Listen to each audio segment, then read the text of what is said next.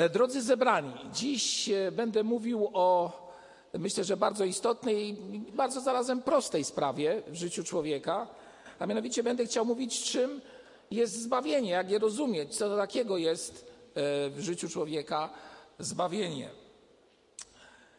Powiem tak, gdybyśmy spojrzeli na ten termin, zastanowili się właśnie nad nim, to przede wszystkim doświadczylibyśmy tego, że w zbawieniu uczestniczą przede wszystkim osoby, które tego pragną, ale też druga sprawa jest z tym związana, że Pan Bóg tego zbawienia po prostu udziela człowiekowi. I oczywiście jest wiele dróg, przez które ludzie próbują zbawienie osiągnąć. Jest wiele dróg e, w drodze ich życia w różnych miejscach świata, gdzie ludzie próbują dotrzeć do miejsca, w którym odczują, będą przekonani, że zostali zbawieni. Ja dziś zaproszę Was do takiej dosyć bardzo prostej, wręcz elementarnej drogi. A więc chcę powiedzieć, że jeśli chodzi o kwestię zbawienia, czy też udzielenia zbawienia przez naszego Pana Jezusa Chrystusa, nie żąda on od człowieka, każdego z nas, jakichś specjalnych osiągnięć. Po drugie, Pan Jezus Chrystus nie żąda żadnych metod religijnych, czyli tak zwanych rytuałów od człowieka. I po trzecie, Pan Jezus nie chce, abyśmy byli wciągnięci w jakiś tajemniczy labirynt poznania. Nie oczekuje tego, abyśmy w tym labiryncie krążąc szukali wyjścia. Zbawienie jest dane, jest klarowne i bardzo jednoznacznie opisane w Piśmie Świętym. To jeszcze raz powiem, nie jest to związane ze specjalnymi osiągnięciami, nie jest to jakaś metoda religijna, ani nie jest to wciąganie człowieka w labirynt poznania, tajemniczego poznania. W dziejach apostolskich czytamy historię, w której w sposób chyba najlepszy pokazana jest definicja, jak człowiek może osiągnąć zbawienie, w jaki sposób. A więc otwórzmy dzieje apostolskie, 16 rozdział, wiersze 30 i 31. Czytamy tam historię pobytu Pawła i Sylasa w więzieniu, a właściwie pojmania i osadzeniu ich w więzieniu na skutek dobra, które uczynili. Zostali skazani, zamknięci w wewnętrznej części tego więzienia. I kiedy będąc w tym więzieniu, zresztą byli też pilnowani przez tych, którzy są stróżami, którzy byli stróżami w ówczesnym świecie, nagle w nocy czytamy, że e, kiedy oni śpiewali pieśni, byli w więzach, zaczęsła się ziemia i otworzyły się rygle tego więzienia, drzwi, które zamykały ich w tym pomieszczeniu, gdzie byli, i mogli wyjść, mogli uciec. Tak się nie stało. Sytuację tę wykorzystał Paweł, i o tym za chwilę będziemy mówić, do bardzo istotnej sprawy, a mianowicie do zwiastowania poselstwa Ewangelii stróżowi, który był właściwie ich oprawcą, pilnował ich, a może miał ich prowadzić na skazanie. I kiedy to się stało, czytamy w tym wierszu, że człowiek, który zobaczył, że drzwi zostały otwarte, pełen strachu, przypadł do nóg Pawła i Sylasa, czytamy w wierszu 29, i wyprowadziwszy ich na zewnątrz, rzekł: Panowie, co mam czynić, abym był zbawiony? Proste, nieskomplikowane zdanie. Wypowiedziane przez człowieka, który jest w pełnym strachu. A dlaczego? Za chwilę o tym powiem. Pyta, co mam czynić, abym był zbawiony? Jeszcze raz powróćmy na chwilę do tej sytuacji, czy też opiszmy tą sytuację, która się tam dzieje. Paweł uwięziony, bo pomógł kobiecie znękanej, która cierpiała katusze, będąc stargana różnymi złymi duchami. Ale to spowodowało, że zysk, który otrzymywali z jej uzależnienia, z jej zniewolenia możni doprowadził do tego, że oskarżyli Pawła. Czytamy w tej historii, że Paweł jest w więzieniu, ale co jest takie no, bardzo przemawiające także do mojego serca, zachowanie Pawła, moi drodzy.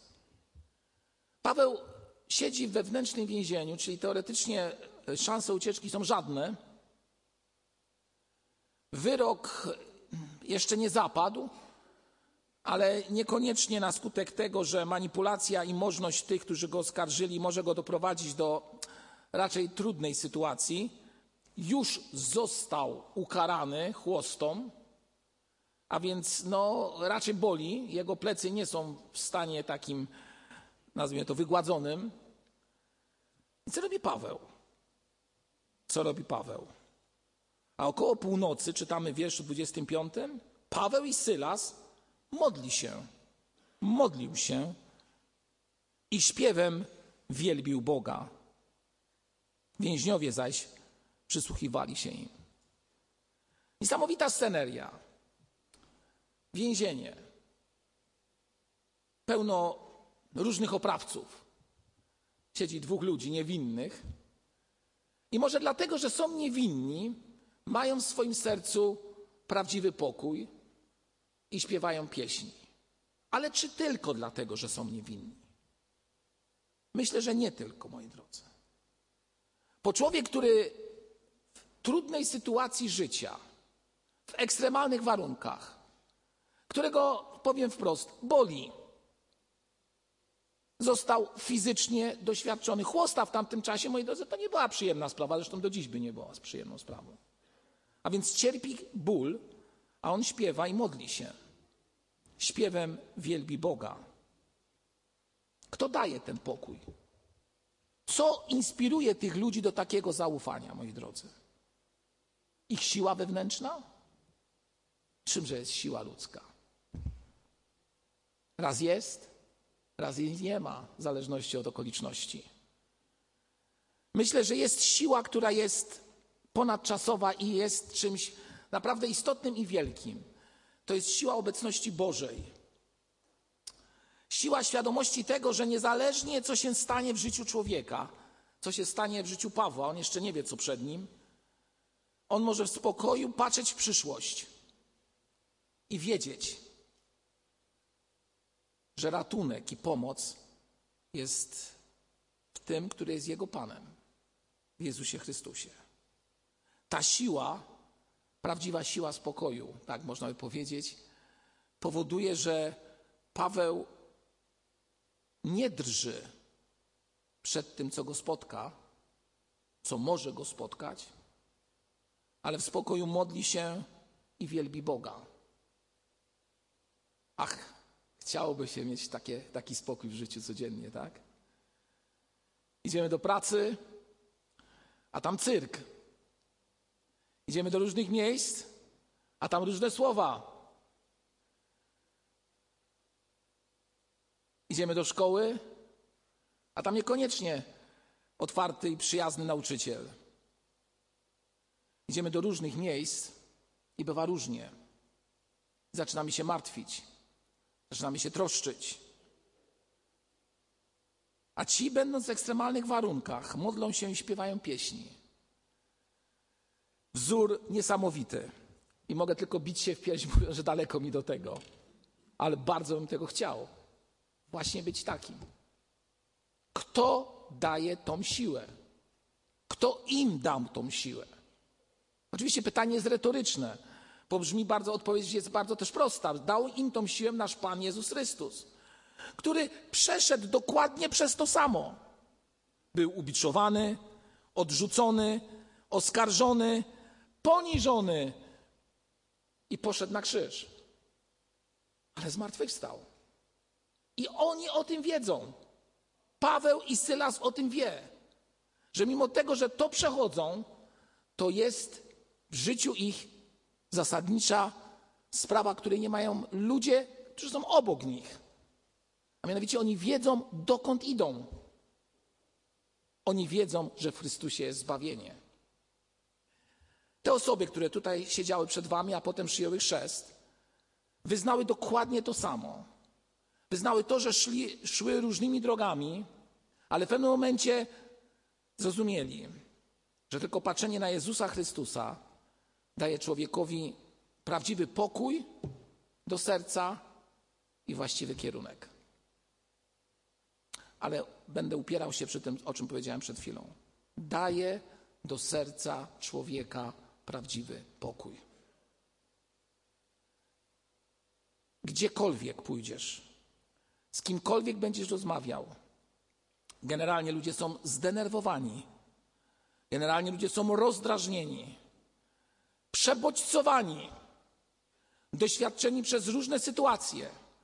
Próbują odreagować stres, próbują odreagować w różny sposób ten stres. Chodzą na fitness, nie wiem, biegają, zajmują się różnymi rzeczami.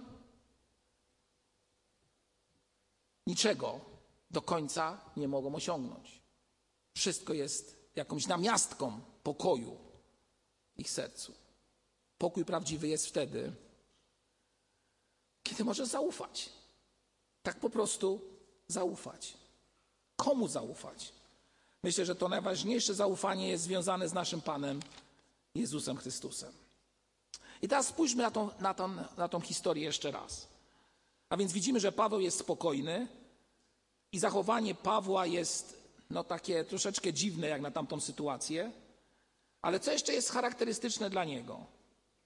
Czytamy w wierszu 31, y, że Paweł rzekł do tego więźnia: Uwierz w Pana Jezusa, a będziesz zbawiony ty i twój dom. Uwierz w Pana Jezusa. Na pytanie, które on zadał, co mam zrobić, aby być zbawiony, Jezus odpowiada: Uwierz w Pana Jezusa. To też ciekawa sytuacja. Popatrzcie, ten stróż zamknął ich, czyli Pawła i Sylasa, zaryglował drzwi, a Paweł nie chował razy. Mógł uciec, ale siedzi do końca. Dlaczego? On może dlatego, że wie, że gdyby uciekli, to ten, który ich pilnował, straciłby życie.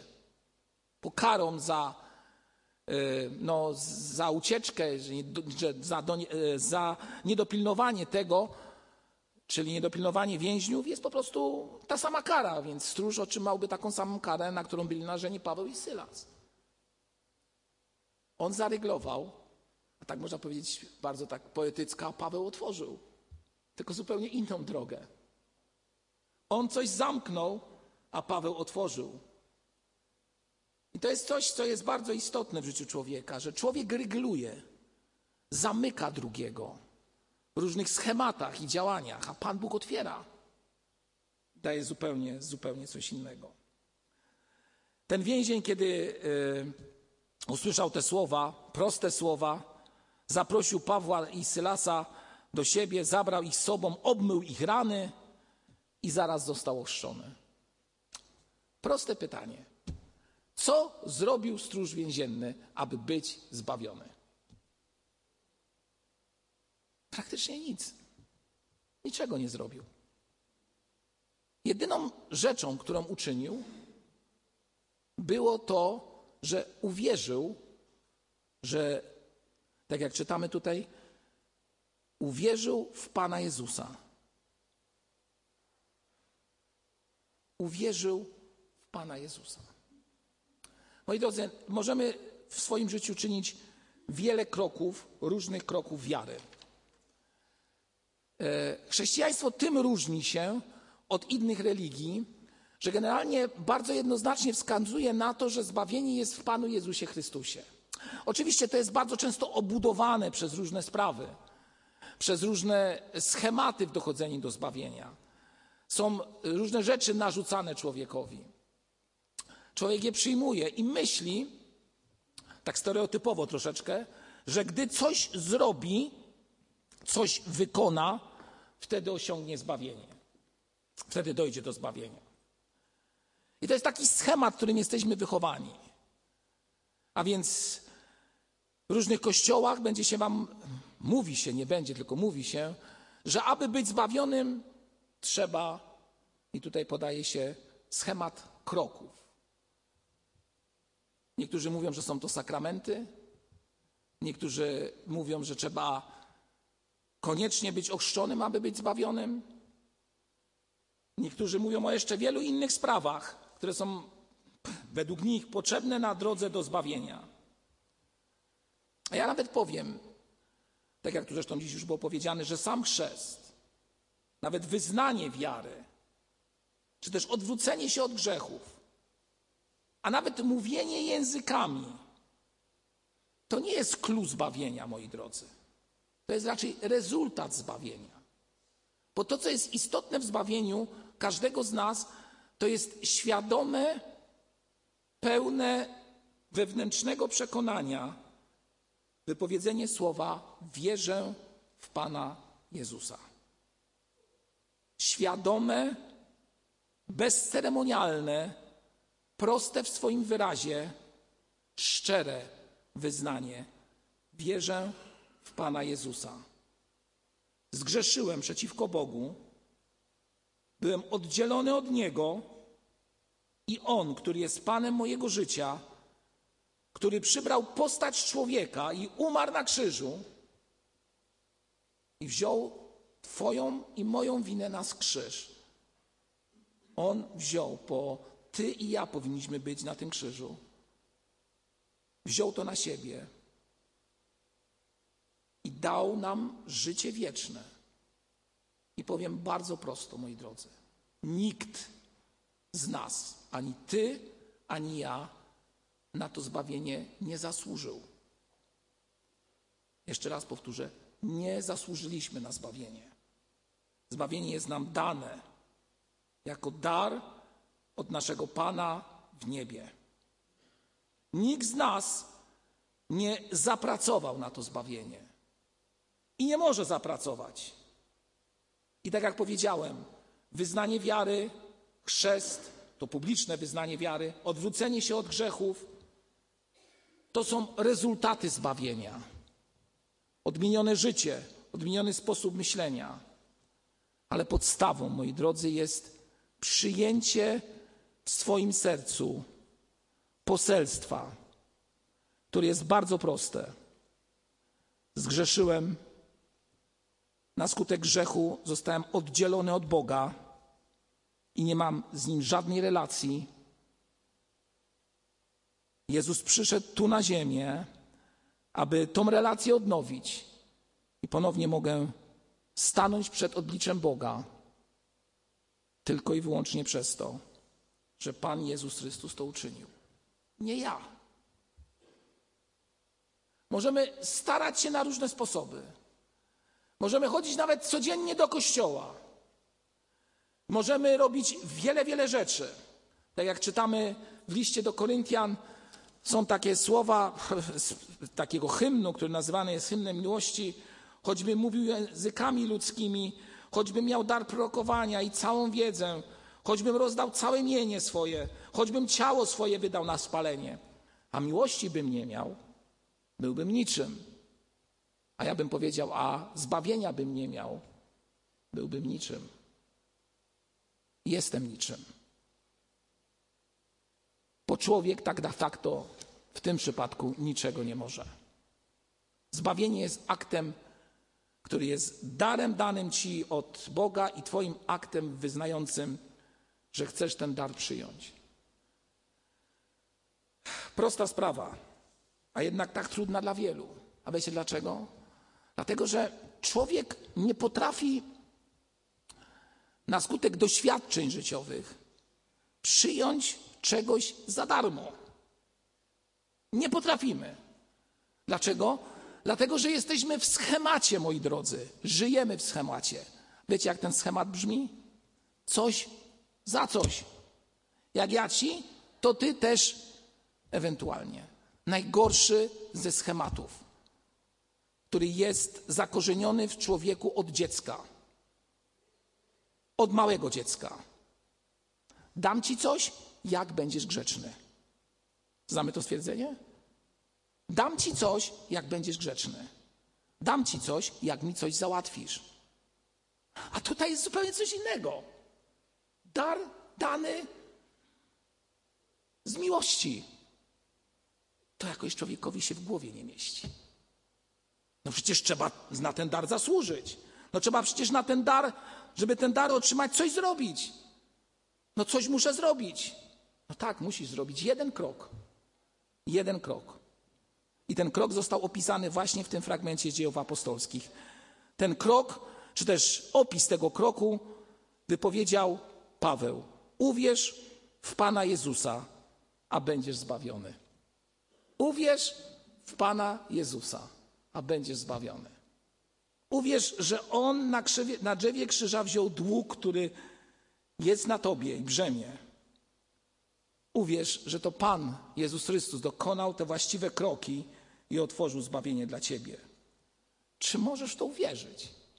I po prostu to przyjąć, że Jezus Chrystus przeszedł przez wszystko i zmartwychwstał i oferuje ten dar także Tobie. A więc, moi drodzy, moi drodzy, można sobie zadać pytanie, co jest wolą Bożą? Ile kroków trzeba zrobić, aby dojść do zbawienia? Myślę, że wolą Bożą dla każdego z nas jest życie wieczne i relacja z Bogiem.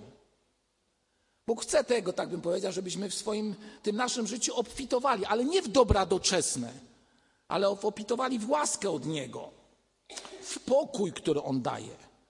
I jeszcze powiem, spokój, któremu każdemu z nas potrzeba. On tylko może to dać. Ale aby to zrozumieć i przyjąć, jeszcze raz powtórzę, trzeba mieć świadomość, że jesteśmy oddzieleni od Boga. Między Bogiem a nami jest wielka przepaść. I każdy grzeszny człowiek przebywa w oddzieleniu.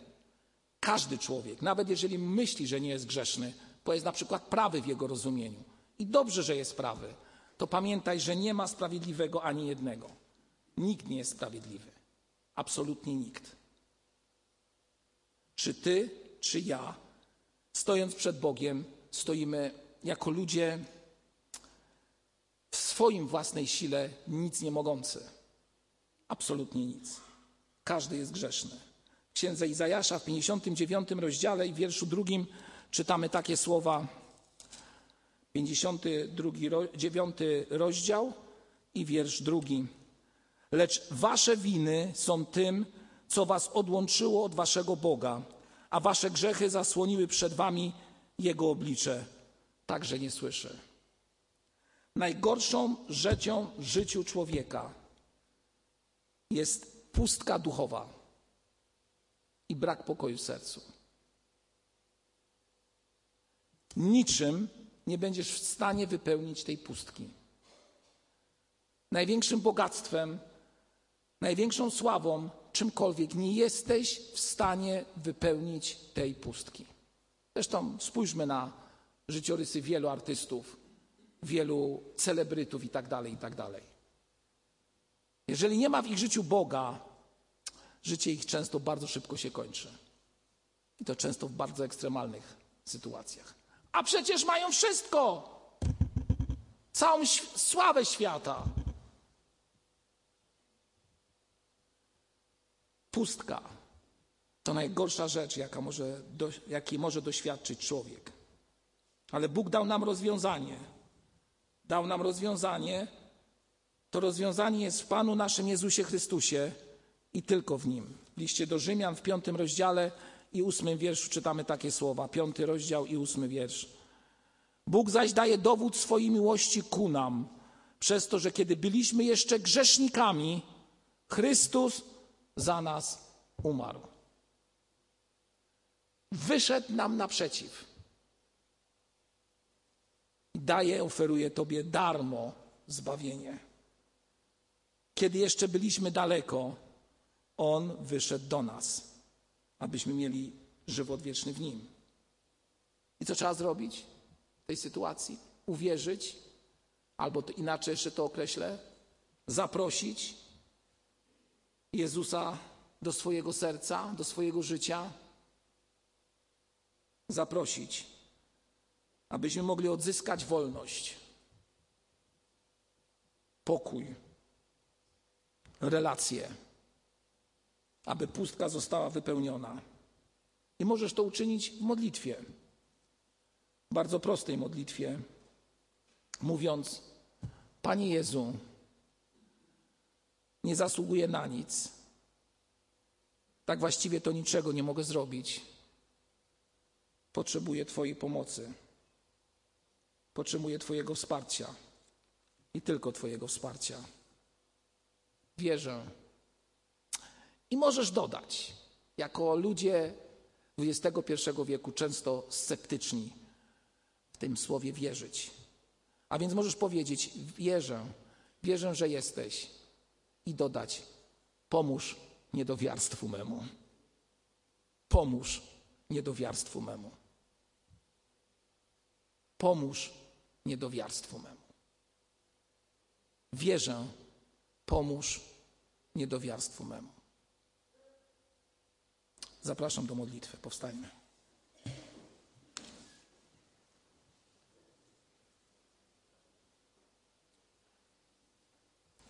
Jeżeli ktoś z Was będzie chciał modlić się tą modlitwą, którą przed chwilą wypowiedziałem, i prosić Boga, aby przez Jezusa Chrystusa stał się Panem Twojego życia, wypełnił tą pustkę, która jest w Tobie, dał Ci pewność zbawienia,